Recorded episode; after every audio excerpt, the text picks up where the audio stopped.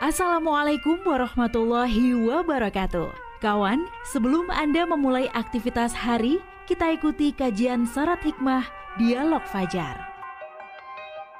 Assalamualaikum warahmatullahi wabarakatuh Alhamdulillah kawan pagi hari ini saya Fitriana Ayu yang kembali bersama Anda di program Dialog Fajar Semoga Anda pun juga dalam keadaan sehat ya, seperti saya pun juga pagi hari ini, termasuk hatinya bahagia. Anda pun juga. Amin amin ya robbal alamin. Ya Dan di studio kawan sudah hadir Ustadz Ali Muafa dari pesantren Al-Qur'an Nurul Falah Surabaya. Assalamualaikum Ustadz Ali. Waalaikumsalam warahmatullahi wabarakatuh. Alhamdulillah. Alhamdulillah. Mantap. Sehat ya Ustadz?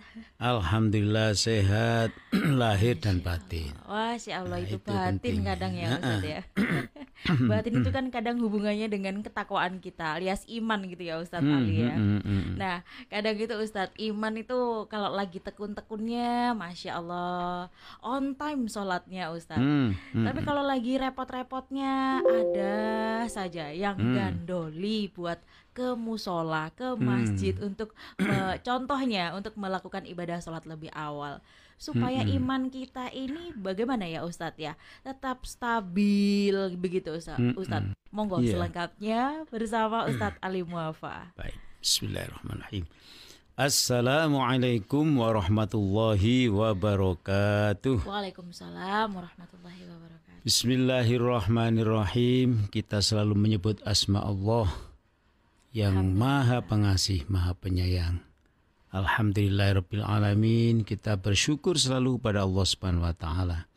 Wa salli wa sallim wa barik ala sayyidil mursalin wa ala alihi wa sahbihi ajma'in. Kita juga uh, berterima kasih ya.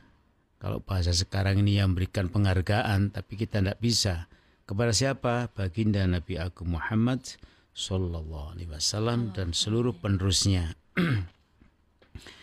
Ya, kalau Mbak Ayu berbicara iman, akhirnya saya ingat ya, Rasulullah itu kan Nabi yang amat sayang kepada umatnya.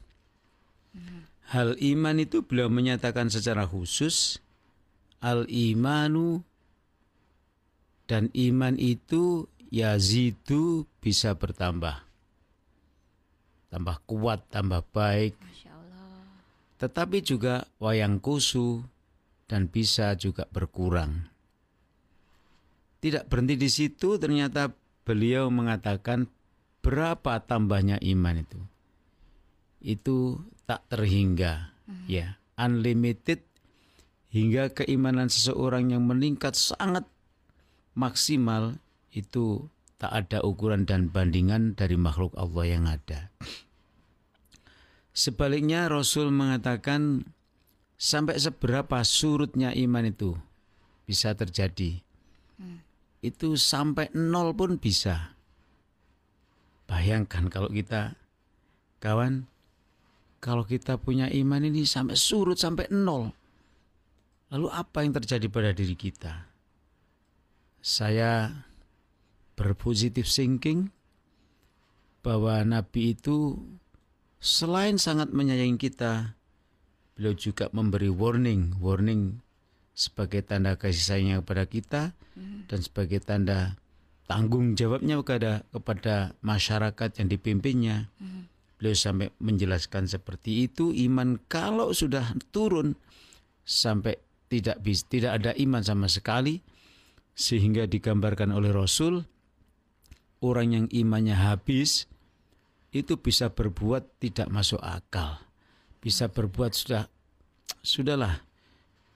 Orang melihat tak mungkinlah kok ada manusia bisa berbuat seperti itu. Ya. Tidak saya jelaskan kayak apa perbuatan jeleknya itu. Hmm. Tapi kalau kita ya sarikan hmm. manusia yang imannya hilang ya berkurangnya sampai sedemikian habisnya maka dia bisa berbuat apa saja yang tidak masuk akal bahwa itu adalah perbuatan manusia. Mm-hmm. Nah, maka tugas kita kawan adalah memupuk ya iman ini dengan sebaik-baiknya. disirami setiap hari supaya selalu segar. Tak kenal waktu menyiramnya karena bisa satu jam disiram, kemudian kering lagi, disiram lagi. Hmm. Dialog fajar ini juga kita harapkan kawan bisa memupuk rasa iman kita yang sangat kuat, semakin kuat, semakin kuat. Sehingga kita menjadi orang yang sangat terhormat di hadapan Allah Ta'ala. Lalu dengan apa kita memupuk iman supaya sangat kuat dan semakin kuat? Di antaranya adalah dengan sholat yang khusyuk. Waduh tadi Mbak Ayu bilang sholat kadang-kadang kita ini di awal waktu tidak tepat waktu kadang-kadang ya. ya, ya emang yang ranking yang pertama itu kata Nabi sholat itu di awal waktu. Ya. Lalu ranking di bawahnya adalah e, masih dekat dengan awal waktu, tapi tidak masuk kriteria di awal waktu. Jadi di tengah-tengah sebutlah begitu ya. Hmm. Dan yang ketiga itu adalah sholat yang pokoknya seon waktu nih. Ya jadi habis salam terus belum mambaan wis ganti waktu gitu. Iya. Itu itu pokoknya sholat waktunya itu. Nah ini tidak tahu ranking berapa ini namanya ya. Dan jangan sholat di luar waktu yang ketiga ini. Itu sudah tahrim masuk dalam waktu yang eh, sudah ya sudah tidak tidak ada waktunya lagi ya. Yeah. Tahrim itu dilarang gitu ya. Nah kawan sholat ini adalah sholat yang khusyuk. Sejak kita bagaimana kita bisa sholat dengan khusyuk? Di antaranya adalah memahami apa yang kita baca. Hmm. Mengambil hikmah ya apa yang kita gerakkan. Hmm. Baik dari gerakan jasad kita, anggota tubuh kita maupun gerakan hati kita hmm. dan lesan kita ketika mengucapkan bagian-bagian atau seluruh apa yang kita ucapkan dalam sholat. Hmm.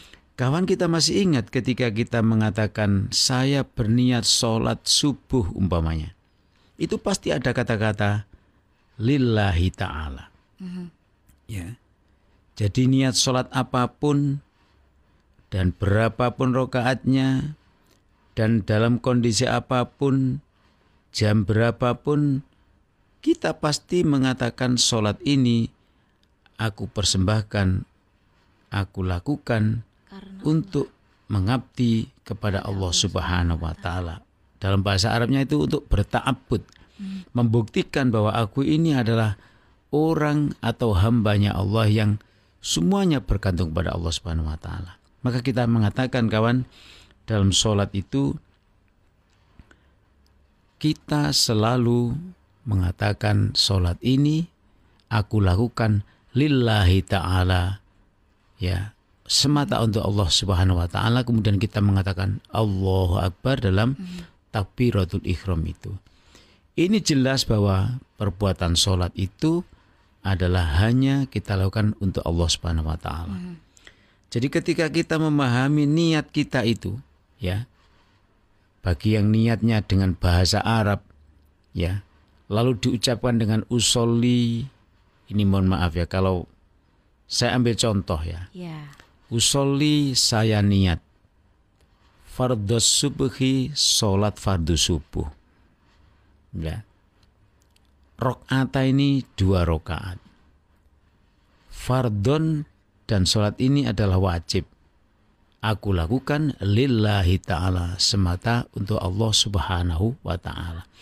Itu pernyataan niat yang baik diucapkan maupun dalam hati. Hmm. Baik redaksinya tam atau seperti hmm. itu maupun redaksinya mungkin kurang lebih seperti itu.